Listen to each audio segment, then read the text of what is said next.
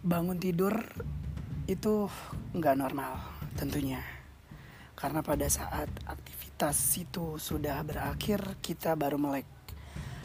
Dan pas mereka pada tidur kita baru beraktivitas untuk bekerja. Ya tentunya gitu-gitu aja hidup. Tidur kerja. Tidur kerja tidur kerja. Setelah weekend baru kita kumpul dan di sini gue bakal ceritain ya pengalaman-pengalaman kita. Dari kita kerja berapa tahun lamanya mungkin dan pastinya gue nggak sendiri di sini. Gue bakal uh, ngobrol sama geng-geng gue.